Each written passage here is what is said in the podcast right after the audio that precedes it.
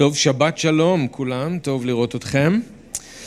אנחנו ממשיכים בסדרה שלנו אה, חיי יוסף, אז אתם מוזמנים אה, לפנות בתנ"כים לבראשית פרק מ"ה, פרק 45. אנחנו כבר ממש לא רחוקים מהסוף, אבל יש לנו עוד כמה אה, דרשות. אז פרק מ"ה ואנחנו ממשיכים היום מפסוק 16, אבל בזמן שאתם פונים לשם אני רק רוצה להזכיר לכם, פעם שעברה אנחנו הגענו לאיזשהו שיא, אולי השיא בסיפור הזה. אה, סטפן לימד על איך שיוסף סוף סוף גילה לאחים שלו מי הוא, נכון? הוא גילה לאחים שלו את הזהות שלו. אבל יותר מזה שהוא גילה להם את הזהות שלו, אתם זוכרים שהוא גם גילה להם מה יש לו בלב, מה הוא מרגיש. אז הוא מרגיש שהוא אוהב אותם, הוא סולח להם, הוא לא הראה שיש שם טינה או כעס או רצון, איזשהו רצון לנקמה, וגם, ואולי זה נובע משם, הוא אמר להם איך הוא רואה את כל מה שקרה, ואז אתם זוכרים, סטפן דיבר על הריבונות של אלוהים.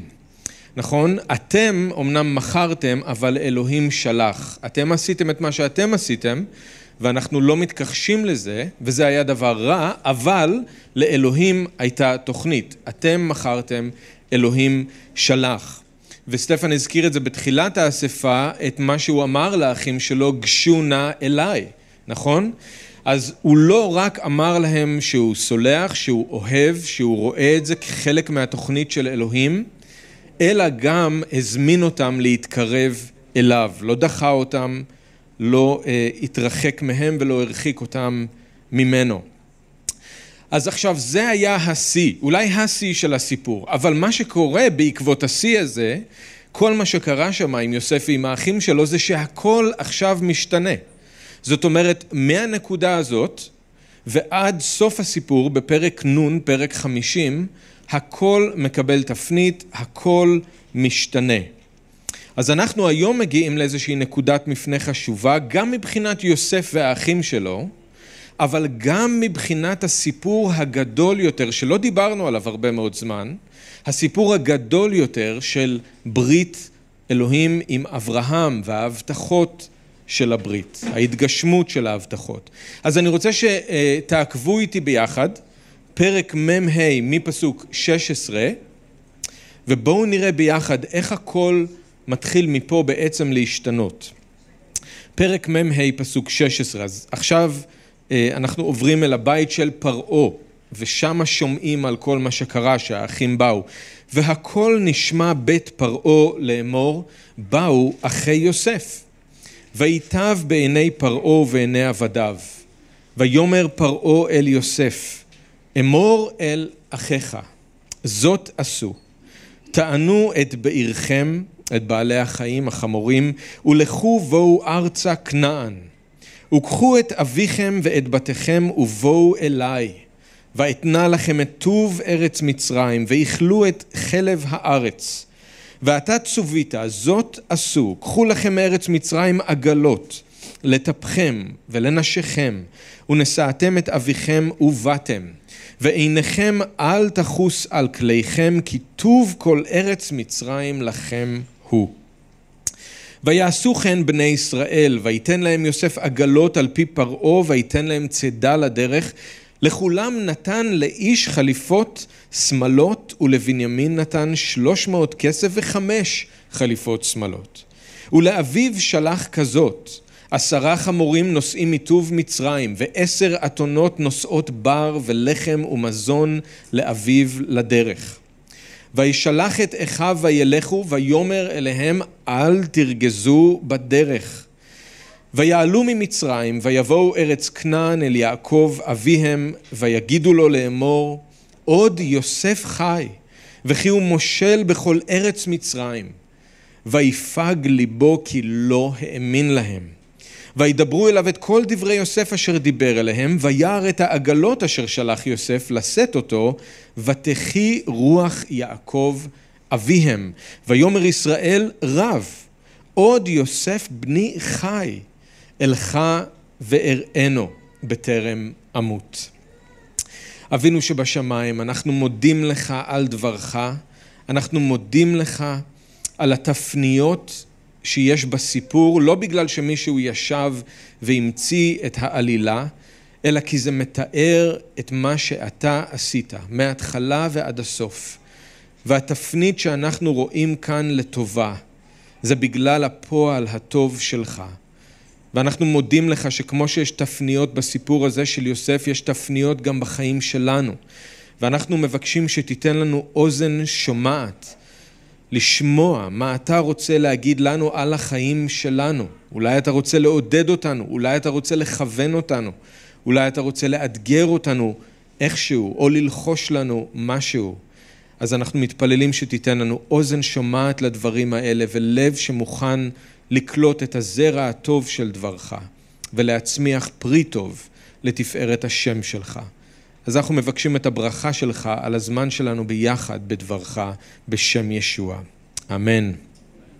אז אנחנו אם ככה מגיעים לנקודת מפנה שהיא חשובה מאוד בסיפור, וכדי שנבין למה הקטע הזה כל כך חשוב, אני רוצה להגיד משהו בהקשר הזה, אבל האמת שאני חושב שגם בלי שאני אגיד משהו, אתם כבר מרגישים את השינוי אם אתם עוקבים אחרי הסיפור. רק מלקרוא את הקטע, אתם כבר שמים לב לשינוי שיש כאן.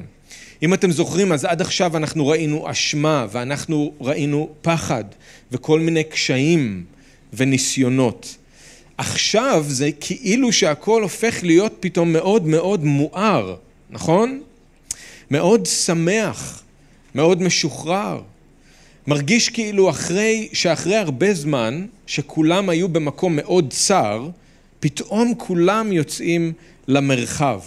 יעקב במיוחד מתעורר לחיים אחרי הרבה זמן של מוות. וזה מרגיש כאילו שהברכה חזרה שוב למשפחה, ואנחנו נדבר על זה. אבל אני רוצה רגע להגיד על משהו על ההקשר. איפה אנחנו ממקמים את מה שקורה כאן בתוך כל הסיפור הזה של חיי יוסף? אז אם אתם זוכרים, אנחנו אמרנו שהסיפור של יוסף הוא לא כל כך על איך אלוהים מברך מישהו, כמו שזה סיפור על איך אלוהים הופך להיות, מישהו להיות כלי לברכה.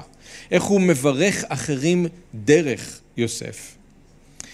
אמרנו שבגלל זה אנחנו לא רואים שאלוהים מתגלה אל יוסף כמו שהוא התגלה אל אברהם ויצחק ויעקב ומבטיח לו שהוא יברך אותו ואת הצאצאים שלו. והסיבה שאלוהים לא עושה את זה, זה בגלל שבשלב הזה של הסיפור, זה כבר לא השלב של ההבטחה, כמו שזה השלב של ההתגשמות. ההבטחות מתחילות להתגשם דרך יוסף.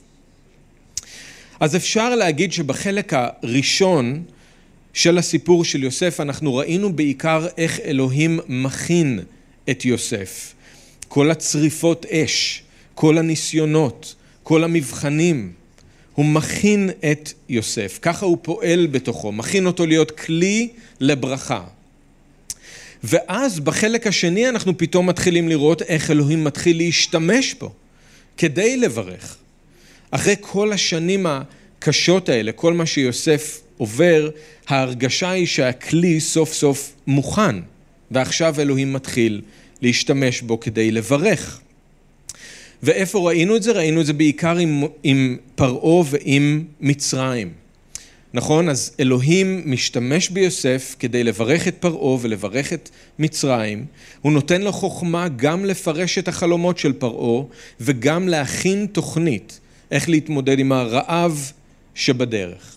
אז בשנים הראשונות אלוהים מכין את יוסף, אחר כך הוא מתחיל להשתמש ביוסף. אבל עד עכשיו אנחנו בעצם ראינו רק איך אלוהים משתמש ביוסף כדי לברך את פרעה ואת מצרים, אבל לא ראינו עדיין איך אלוהים משתמש ביוסף כדי לברך את המשפחה שלו עצמו. וזה הדבר הגדול שאנחנו בעצם מחכים לו. כל הסיפור זה הסיפור על הברית של אלוהים עם אברהם ועל כל ההבטחות של הברית, נכון?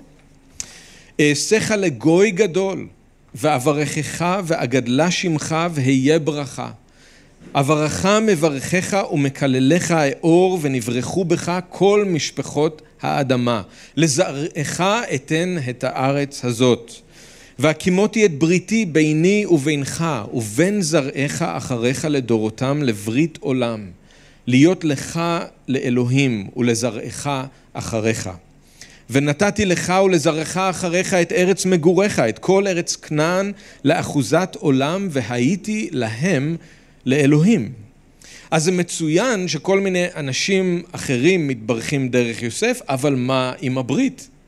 מה עם כל ההבטחות האלה שאלוהים הבטיח לאברהם, ליצחק וליעקב? יותר מזה, במקום לראות שאלוהים משתמש ביוסף כדי לברך את המשפחה שלו, את הצאצאים של אברהם, יצחק ויעקב, עד עכשיו זה היה נראה שאלוהים משתמש ביוסף דווקא כדי להקשות עליהם, נכון? עוד מבחן ועוד שריפת אש ועוד בדיקה, עוד ניסיון. עכשיו אמרנו שהייתה לזה סיבה טובה, זה נכון, האחים היו צריכים לעבור תהליך עד שהם חוזרים בתשובה, עד שהם יכולים להתרצות אל יוסף, וראינו את השינוי בצורה המובהקת ביותר ביהודה, אם אתם זוכרים, אבל כשאנחנו חושבים על הסיפור בגדול, אנחנו עדיין נשארים עם השאלה, מה עם הברית? מה עם ההבטחות? אנחנו כבר הרבה זמן בסדרה הזאת על יוסף, לא דיברנו על זה. וזה הדבר הגדול שקורה פה. עד עכשיו זה לא נראה שיוסף הוא כלי לברכה בשביל המשפחה שלו. לא ראינו את ההתגשמות של ההבטחות של אלוהים דרך יוסף. אז עכשיו הכל משתנה. התחלנו לראות את זה בשבוע שעבר, כשיוסף גילה את עצמו לאחים שלו, ומעכשיו אנחנו נתחיל לראות את זה יותר ויותר. ההבטחות של אלוהים מתחילות להתגשם דרך יוסף. הברכה מתחילה לבוא דרך יוסף אל הצאצאים של אברהם. אין יותר, מעכשיו אין יותר ניסיונות ואין יותר מבחנים, לא ליוסף, לא לאחים שלו. יוסף הוא עכשיו כבר כלי לברכה, ומעכשיו האחים שלו ויעקב הם אלה שמקבלים את הברכה. וההבטחות של אלוהים לאברהם מתחילות להתגשם. אבל אני רוצה שתחשבו ספציפית על הבטחה אחת, וזה מאוד חשוב שזה יהיה ברקע כשאנחנו קוראים את הקטע שלנו להיום, וזה מה שאלוהים הבטיח לאברהם בברית בין הבתרים, אם אתם זוכרים בבראשית ט"ו, אנחנו חוזרים אחורה לחיי אברהם. תקשיבו למה אלוהים אמר לו שם, ידוע תדע כי גר יהיה זרעך בארץ לא להם, ועבדום ועינו אותם ארבע מאות שנה. וגם את הגוי אשר יעבדו דן אנוכי, ואחרי כן יצאו ברכוש גדול. אז לפני ששאר ההבטחות, כל שאר ההבטחות יכולות להתגשם, קודם כל הצאצאים של אברהם צריכים איכשהו לעבור לגור באיזושהי ארץ שלא מובטחת להם, שלא שייכת להם, שהיא לא כנען, ושם הם צריכים לחיות כגרים בארץ לא להם, ובסופו של דבר הם גם יעבדו את אותו גוי שהארץ הזאת שייכת להם. מי זה הגוי הזה? מה כבר יכול לקרות שיכול לגרום להם לעבור מארץ כנען, מהארץ המובטחת? אתם זוכרים איך האבות החזיקו חזק בארץ כנען, לא היו מוכנים לעזוב, לא היו מוכנים לצאת מהארץ המובטחת? מה יכול כבר לקרות שיגרום להם לעבור מכנען למקום אחר, לעזוב לגמרי? עד עכשיו אף אחד לא היה מוכן. ומי זה הגוי הזה שהם יעבדו אותו? אז אברהם לא ידע את התשובה אז, כשאלוהים נתן לו את ההבטחה הזאת, בברית בין הבתרים הוא לא ידע, אלוהים לא אמר לו. אנחנו כאן מגלים את התשובה, אוקיי? Okay? כאן אנחנו מקבלים את התשובה. כאן אנחנו מתחילים לראות איך התוכנית של אלוהים יוצאת לפועל. אז אני רוצה שנראה את זה בקטע שלנו, בואו תסתכלו איתי ביחד בקטע, איך כולם יוצאים מהמצר למרחב, איך הכל משתנה והברכה מתחילה לבוא שוב על המשפחה. אז בפסוקים 16 עד 20 אנחנו רואים שהברכה באה דרך הזמנה אישית שפרעה נותן ליעקב ולמשפחה שלו לבוא ולהשתקע במצרים. וקחו את אביכם ואת בתיכם ובואו אליי. פרעה אומר, ואתנה לכם את טוב ארץ מצרים, ואיכלו את חלב הארץ. אז לפני שנדבר על ההזמנה הזאת ספציפית של פרעה, מה הוא אומר להם כאן, אנחנו צריכים לשאול את עצמנו למה בכלל צריך את ההזמנה הזאת של פרעה. אתם זוכרים ששבוע שעבר יוסף כבר אמר להם, לכו ותגידו לאבא שלי שיבוא ובואו כולכם אתם תחיו בארץ גושן? אז למה עכשיו צריך את ההזמנה הזאת של פרעה? יוסף כנראה לא היה צריך את האישור של פרעה, הוא הרגיש בטוח שהוא יכול להזמין אותם לבוא, והוא כבר הזמין אותם לבוא, לעבור למצרים. למה צריך את ההזמנה הזאת? אז אני חושב משתי סיבות, וזה קשור אחד לשני. אחד זה להראות את הריבונות של אלוהים. שהוא יכול לפעול אפילו דרך מלך מצרים, האיש הכי חזק במדינה הכי חזקה באותו זמן, כדי להוציא את התוכנית שלו לפועל. וקשור לזה, זה כי צריך מניע, צריך סיבה מאוד מאוד חזקה כדי לשכנע אותם לעבור מכנען, הארץ המובטחת, למצרים. אז אנחנו נראה את זה עכשיו, אבל אני רוצה שתחשבו על זה, שזאת הזמנה אישית ממלך מצרים, מפרעה. אז תראו שהוא לא רק מזמין אותם לבוא למצרים, אלא מה הוא אומר להם? לבוא ספציפית אליו, פרעה אומר. בואו אליי. ואז הוא גם מבטיח באופן אישי שהוא ידאג להם, ואתנה לכם. לא מישהו אחר, אני אתן לכם. לא עבדיי ייתנו לכם, לא יוסף ייתן לכם. אני פרעה, מלך מצרים. אני אתן לכם.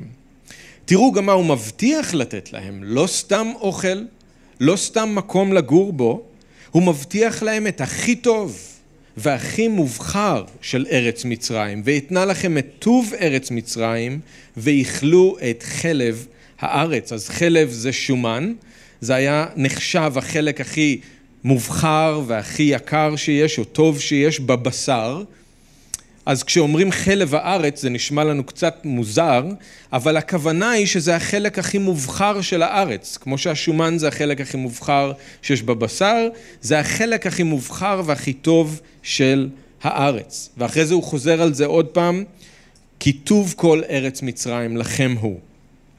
אז הם גם מקבלים הזמנה אישית ממלך מצרים, וגם הבטחה שהוא בעצמו ידאג להם, ואם זה לא מספיק, אז הוא מובטח להם שהם יקבלו גם את הטוב ביותר והמובחר ביותר בארץ מצרים.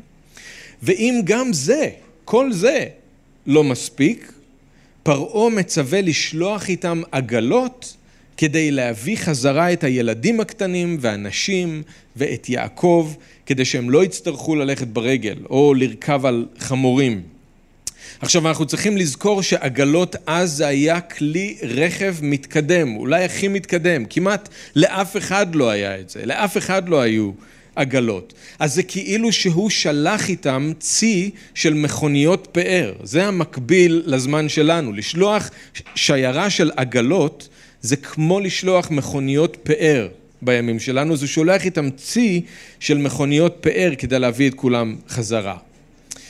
עוד משהו שפרעה מוסיף בסוף זה שהם גם לא צריכים לדאוג יותר מדי אם הם לא יכולים לקחת את כל הדברים שלהם איתם, את כל הרכוש שלהם איתם. כל מה שהם צריכים יהיה להם. ועיניכם אל תחוס על כליכם כי טוב כל ארץ מצרים לכם הוא. אל תדאגו אם אתם לא יכולים להספיק לארוז את כל הדברים, או אם אתם לא יכולים להביא איתכם את כל הרכוש שלכם, אל תדאגו להשאיר דברים מאחורה. אם חסר לכם משהו, הכל שלכם. כל טוב ארץ מצרים לכם הוא.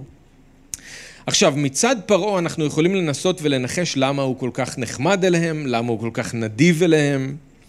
אנחנו לא יכולים להיות בטוחים לגבי זה, אולי זה כי הוא פחד לאבד את יוסף, אולי, אז הוא רצה להביא את המשפחה של יוסף למצרים, כדי שחס וחלילה לא ישכנעו את יוסף לעזוב את מצרים. אז הוא רצה שיוסף יישאר, אז אם המשפחה שלו עוברת לשם, הוא מבטיח את יוסף לעצמו. אבל אולי זה גם פשוט מאוד כי הוא רוצה לגמול ליוסף על כל מה שהוא עשה בשבילו ובשביל מצרים. ובגלל זה הוא עושה מעל ומעבר כדי לברך את המשפחה של יוסף. אז אנחנו לא יודעים מה עבר לפרעה בראש, אולי זה זה, אולי זה זה, אולי משהו אחר. אבל אנחנו כן יודעים שאלוהים משתמש בפרעה כדי למשוך את הצאצאים של אברהם למצרים, כדי להוציא לפועל את התוכנית שלו. זאת הריבונות של אלוהים, וזה הכוח שלו.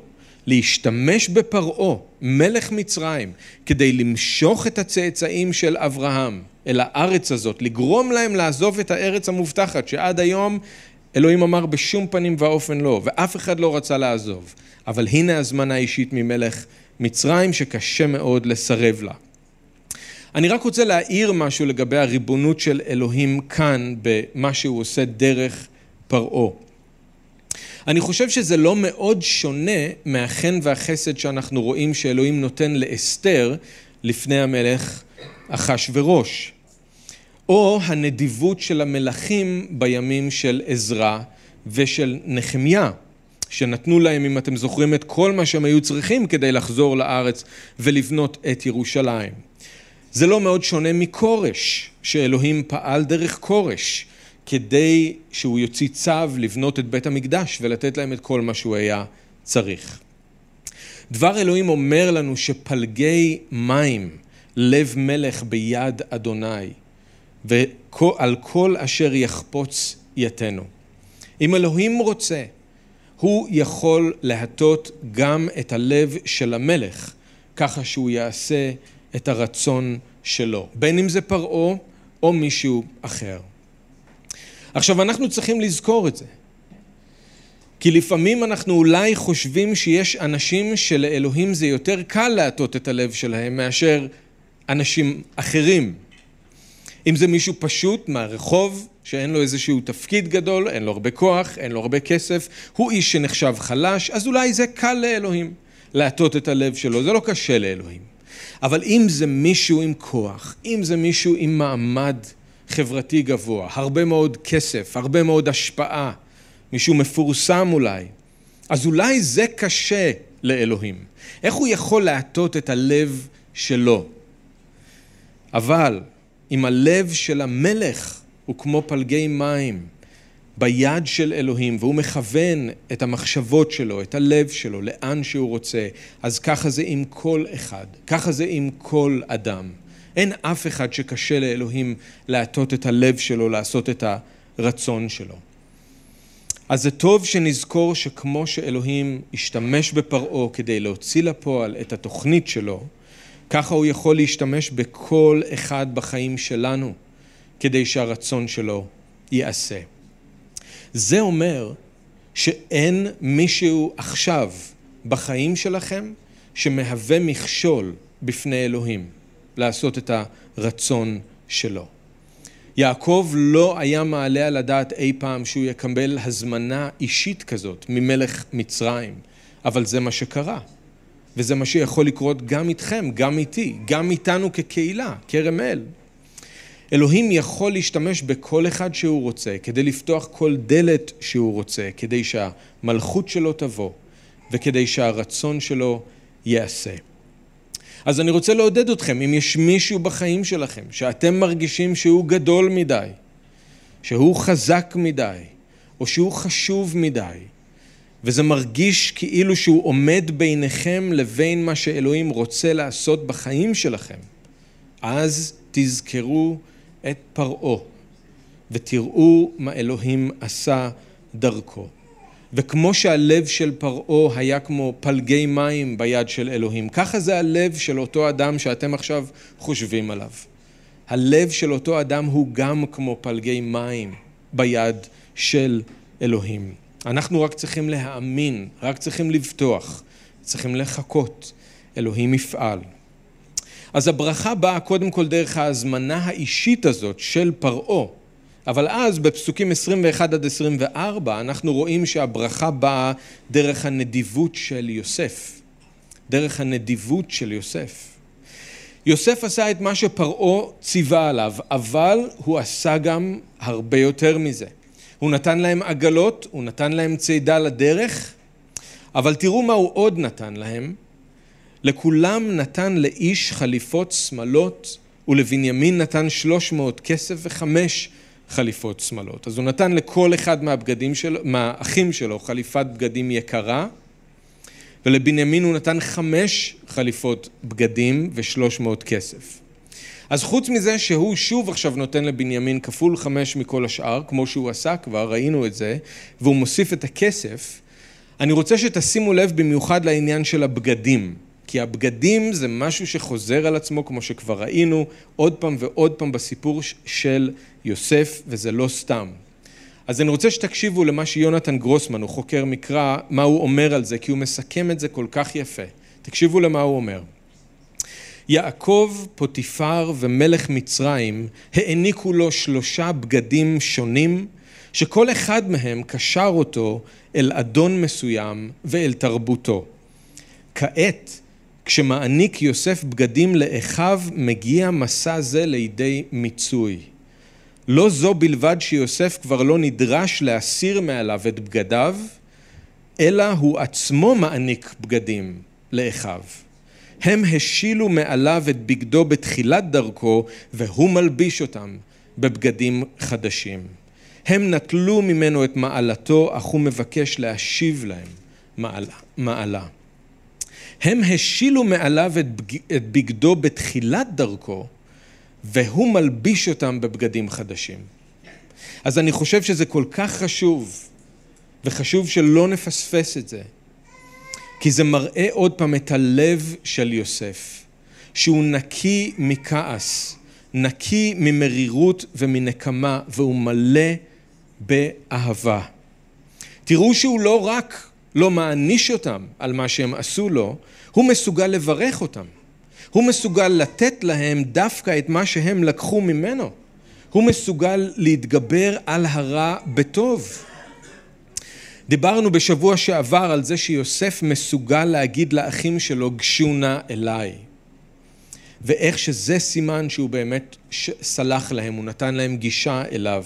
הוא לא מתרחק מהם, הוא לא דוחה אותם, הוא לא סוגר את עצמו בפניהם. אז ביחד עם זה, הנה עוד סימן לככה שיוסף באמת סלח להם, הוא באמת אוהב אותם. והוא הצליח להתגבר על כעס ומרירות. איך אנחנו יודעים את זה? כי הוא נדיב איתם, הוא נדיב כלפיהם. ויתן, ויתן, לכולם נתן, לבנימין נתן. אי אפשר להיות נדיבים וכועסים באותו זמן. אי אפשר לתת ולתת כשהלב מלא במרירות. האהבה סבלנית ונדיבה. כשהלב מלא באהבה, אז היד פתוחה. אבל אם יש מרירות וכעס, היד נשארת סגורה. הנדיבות של יוסף מראה שהוא באמת סלח, הוא באמת אוהב, במיוחד בזה שהוא נותן להם בגדים, שזה משהו כל כך משמעותי בשביל כולם שם, הם לא אומרים כלום, אבל כולם מבינים. הוא נותן להם בגדים, אבל זה אתגר טוב בשביל כולנו, הנדיבות שלו. האם היד שלנו פתוחה או סגורה, ומה זה אומר על הלב שלנו? אנחנו צריכים לשאול את עצמנו. חוץ מנדיבות כלפי האחים, יוסף כמובן נדיב כלפי אבא שלו, למרות שאבא שלו לא עשה שום דבר לא בסדר, זה לא מאותן אה, סיבות, אבל הוא נדיב כלפיו. הוא שולח שיירה גדולה של עשרה חמורים ועשר אתונות עמוסים בכל טוב, וכל השיירה הזאת היא רק בשביל אבא שלו. רק בשביל אבא שלו. עשרים בעלי חיים עמוסים בכל טוב רק בשביל אבא שלו, שיהיה לו... אה, טוב, זה סימן שהוא אוהב אותו, שהוא רוצה שהוא יבוא ושיהיה לו צידה לדרך. הדבר האחרון שיוסף אומר לאחים שלו, תראו לפני שהם עוזבים, וחשוב שלא נפספס את זה, זה אל תרגזו בדרך. עכשיו, פרשנים מנסים להסביר את זה בדרכים שונות, אבל הכוונה היא כנראה לא רק אל תתעכבו בדרך, אלא אל תתווכחו בדרך. אל תריבו בדרך. עכשיו, למה שיוסף יגיד להם דבר כזה? כי הוא מכיר אותם, והוא כבר שמע אותם מתווכחים ביניהם, כשהם לא ידעו שהוא מבין מה הם אומרים, נכון? אשמים אנחנו על אחינו, אשר ראינו את צרת נפשו בהתחננו אלינו ולא שמענו. הלא אמרתי לכם לאמור, אל תחטאו בילד ולא שמעתם, וגם דמו הנה נדרש. הוא כבר שמע אותם רבים ביניהם על כל מה שקרה. אז יוסף מכיר אותם, הוא יודע. הוא יודע שהם יכולים להתחיל לריב ביניהם בדרך על כל מה שקרה. וברור שזה הולך להיות נושא השיחה לכל הדרך, עד שהם מגיעים לכנען הם הולכים לדבר על כל מה שקרה, אז הוא מזהיר אותם מראש, אל תיתנו לזה להפוך לריב ביניכם. וזה מדהים איזה דמות זאת יוסף. זה נכון, מה שהוא אומר זה נכון, אבל זה שזה בא ממנו, אליהם, איזה דמות זאת יוסף. אחרי כל מה שהם עשו, אחרי כל מה שהוא עבר, הוא לא רוצה שהם יריבו ביניהם. הוא לא רוצה שהם יתווכחו ביניהם. הוא רוצה שיהיה ביניהם שלום. לא מדהים? מזכיר את התלמידים ואיך שהם רגזו בדרך, נכון? התווכחו ביניהם על מי יותר גדול. מזכיר איך הם רגזו בדרך כשהם כעסו על יעקב ועל יוחנן שרצו לשבת מימין ומשמאל לישוע. במלכות, הם רגזו בדרך, גם ישוע היה צריך לטפל בזה. זו איזו נטייה שיש להם, איזו נטייה שיש גם לנו, לרגוז בדרך. ואנחנו גם צריכים לשמוע את המילים האלה. גם ישוע וגם יוסף, הם עושים את אותו הדבר, הם אומרים להם אל תרגזו בדרך, אבל תסתכלו קדימה, תסתכלו רחוק, תסתכלו על התמונה הגדולה. לכו, תמהרו, תביאו את אבא. תבואו כולם ותגורו כאן, אני אדאג לכם. תסתכלו קדימה, תסתכלו רחב, תסתכלו רחוק, אל תרגזו בדרך. וזה שיעור כל כך טוב בשביל כולנו. אין סיבה לתת מקום לוויכוחים ולריבים בינינו. אנחנו כתלמידים של האדון צריכים לרדוף שלום ולשקוד לשמור את אחדות הרוח בקשר של שלום. אנחנו צריכים ללמוד לא לרגוז בדרך, לא על דברים קטנים, לא על דברים גדולים, ואנחנו צריכים ללמוד להסתכל קדימה ורחוק ועל התמונה הגדולה. החטאים שלנו נסלחו, ישוע חוזר, לכולנו יש מקום במלכות האלוהים, ובינתיים ישוע בונה את הקהילה שלו על הסלע, ושערי שאול לא יגברו עליה, ואנחנו חלק מזה. זאת התמונה הגדולה. אז כשיש לנו את כל הדברים האלה, למה שנרגז בדרך? אם אנחנו שוכחים את התמונה הגדולה, אם אנחנו לא מסתכלים מספיק גדול, מספיק רחב, מספיק רחוק, אנחנו מתחילים לרגוז בדרך. וכל דבר קטן מפריע, ואנחנו מתחילים להתווכח בינינו. אז חשוב, חשוב שנשים לב למילים האלה. אז הברכה באה דרך ההזמנה האישית של פרעה, היא באה דרך יוסף. ואז בפסוקים האחרונים 25 עד 28 אנחנו רואים שהברכה מגיעה אל יעקב דרך הדיווח של האחים. עד עכשיו, אם אתם זוכרים, ראינו שהאחים חיים שוב ושוב את הרגע שבו הם מכרו את יוסף. הם חיים שוב ושוב את החטא שלהם. זה מה שיוסף אה, הביא, יוסף הביא לזה דרך הניסיונות, נכון? עכשיו בפעם הראשונה אנחנו רואים שהם הופכים את הסיפור לגמרי. הם כן חוזרים אל אותו רגע שבו הם מספרים לאבא שלהם מה קרה ליוסף, אבל הפעם במקום לשקר לו ולספר לו שיוסף מת, הם אומרים לו מה באמת קרה והם מספרים לו שיוסף חי ושהוא מושל בכל מצרים. ויעלו ממצרים ויבואו ארץ כנען אל יעקב אביהם ויגידו לו לאמור עוד יוסף חי וכי הוא מושל בכל ארץ מצרים. ותראו את התגובה של יעקב כשהוא שומע את זה, הוא לא יכול להאמין. הוא לא מסוגל באותו רגע להאמין, ויפג ליבו כי לא האמין להם. אחרי 22 שנה של אבל, כשיעקב בטוח שיוסף מת, הוא שומע בפעם הראשונה שבעצם הוא חי. ולא רק שהוא חי, וזה היה מספיק ליעקב, אלא שהוא גם מושל בכל מצרים. אז הוא שומע, ובהתחלה הוא לא מוכן להאמין. אולי הוא מפחד להאמין. יוסף היה כל החיים שלו. הוא התרגל לאבל, הוא התרגל לצער, הוא התרגל לאובדן. הוא רוצה להאמין שזה נכון, אבל הוא מפחד להאמין שזה נכון, כי מה אם זה לא? אז האחים ממשיכים לדבר והם מעבירים לו את מה שיוסף אמר להם להגיד לו משבוע שעבר.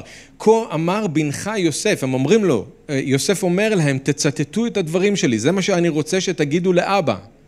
כה אמר בנך יוסף, שמני אלוהים לאדון לכל מצרים, רדה אליי, אל תעמוד. וישבת בארץ גושן, והיית קרוב אליי, אתה ובניך ובני בניך. איזה יופי שהוא קורא לכולם בנים, נכון? אתה ובניך, לא מפריד, לא מבדיל, לא רק אני ובנימין בנים, כולם בנים. אתה ובניך ובני בניך, וצונך ובקרך וכל אשר לך, וכלכלתי אותך שם, כי עוד חמש שנים רעב, פן תברש אתה וביתך וכל אשר לך. יעקב שומע את המילים האלה של יוסף, את ההזמנה הזאת לבוא אליו, והוא מסתכל מסביב, והוא רואה את כל העגלות, ואז בסוף הוא משתכנע שיוסף חי. והוא כאילו מתעורר לחיים אחרי 22 שנים של מוות ואבל. כתוב, ותחי רוח יעקב אביהם. ואז תראו איך הוא מגיב. ויאמר ישראל רב, עוד יוסף בני חי, אלך ואראנו בטרם אמות. הוא כנראה עוצר אותם בזמן שהם מדברים ומדברים, אומרים לו את כל מה שיוסף אמר להם להגיד ומספרים לו על כל מה שקרה, מראים לו את כל העגלות, מראים לו את כל הבגדים, את כל המתנות. באיזשהו שלב הוא פשוט עוצר אותם. רב זה מספיק, רב זה די. הוא פשוט עוצר אותם, הוא אומר להם מספיק, שמעתי מספיק, ראיתי מספיק, אני מאמין שיוסף בני חי, אלך ואראנו בטרם אמות. אז תראו איזה יופי, איך שפעם האחים שברו את אבא שלהם עם דיווח על יוסף, ועכשיו הם יכולים לחיות את אבא שלהם עם דיווח על יוסף. אז הם לא רק חוזרים לרגע הזה והאשמה שמציפה אותם על כל מה שהם עשו, הם מתקנים את מה שהם עשו והם הופכים את הסיפור. וזה מעודד, כי זה מה שלפעמים אלוהים יעשה גם איתנו. הוא יאפשר לנו לחזור ולתקן. זה לא תמיד יהיה אפשרי, אבל כשזה אפשרי וכשאלוהים נותן לנו לתקן, משהו שפעם עשינו לא טוב, זה מרפא וזה משחרר את כולם וזה מאפשר להמשיך הלאה.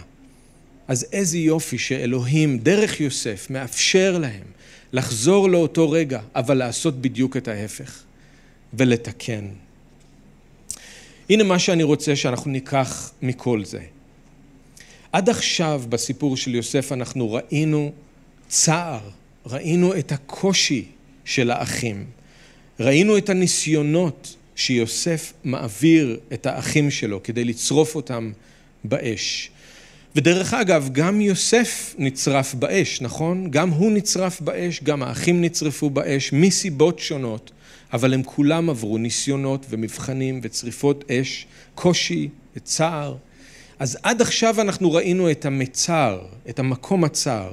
אבל עכשיו אנחנו רואים איך אלוהים מוציא אותם למרחב, ואיך הוא מברך אותם. ואני לא מתעכב על זה כאן, אבל אתם יכולים לעשות לעצמכם בדיקה, זה לימוד קצר ונחמד, איך מהקטע הזה ועד פרק נ' פתאום המילה ברכה מתחילה להופיע שוב ושוב ושוב ושוב. אז אנחנו נראה את זה בדרשות הבאות, אבל אתם יכולים לבדוק בעצמכם, הכל עכשיו עובר תפנית ומתקדם למקום של ברכה. אפשר להגיד שעד עכשיו זה היה גייטס על מוות, אבל עכשיו זה סוג של שולחן ערוך וראש מדושן וכוס רוויה. כמו עם יוסף ועם האחים שלו, ככה זה גם איתנו.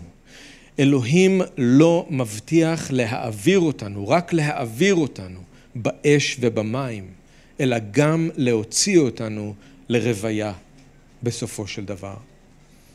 הוא לא מבטיח רק שיהיו צרות, אלא שיהיה גם גמול. הוא לא מבטיח רק מקומות צרים, אלא שבסוף הוא גם יוציא אותנו למרחב. ואני רוצה שתזכרו את זה. ישוע אמר לתלמידים שלו, אתם עמדתם איתי בניסיונותיי ואני מנחיל לכם מלכות. שאול אמר עלינו המאמינים שכן סובלים אנו עמו כדי שגם נזכה לכבוד עמו. וזאת התמונה שיש לנו כאן עם יוסף ועם האחים שלו. כל ניסיון שבא עלינו, כל צריפת אש שבאה עלינו, שני דברים קורים. אחד, אני משתנה, אבל שתיים, בסופו של דבר יש גמול, יש שכר. אולי זה יהיה כאן במידה מסוימת בעולם הזה, אבל בטוח זה יהיה כשאנחנו נעמוד לפני ישוע פנים אל פנים, ואנחנו צריכים לזכור את זה. אז כאן אנחנו רואים את האחים ואת יוסף ואת יעקב, כולם מגיעים אל הגמול, כולם יוצאים למרחב סוף סוף. אז אני מקווה שזה יכול לעודד אתכם, כמו שזה מעודד גם אותי, שאנחנו לא נישאר לנצח בתוך המקום הצר, בתוך הניסיון, בתוך האש. על אלוהים כתוב לא לנצח יריב, לא לעולם יתור, וככה זה גם עם יוסף, וככה זה עם כל הסיפור הזה. אז מעכשיו והלאה אתם יכולים לצפות לדברים הרבה יותר קלים, והרבה יותר חיוביים, והרבה יותר משמחים בסיפור הזה. אנחנו יוצאים למרחב ביחד עם יוסף ועם האחים שלו. אמן? כן, אבינו, אנחנו מודים לך על העידוד הגדול שיש לנו בקטע הזה של הסיפור. ואנחנו רוצים לזכור את זה, שאתה לא לנצח תריב גם איתנו ולא לעולם תיטור.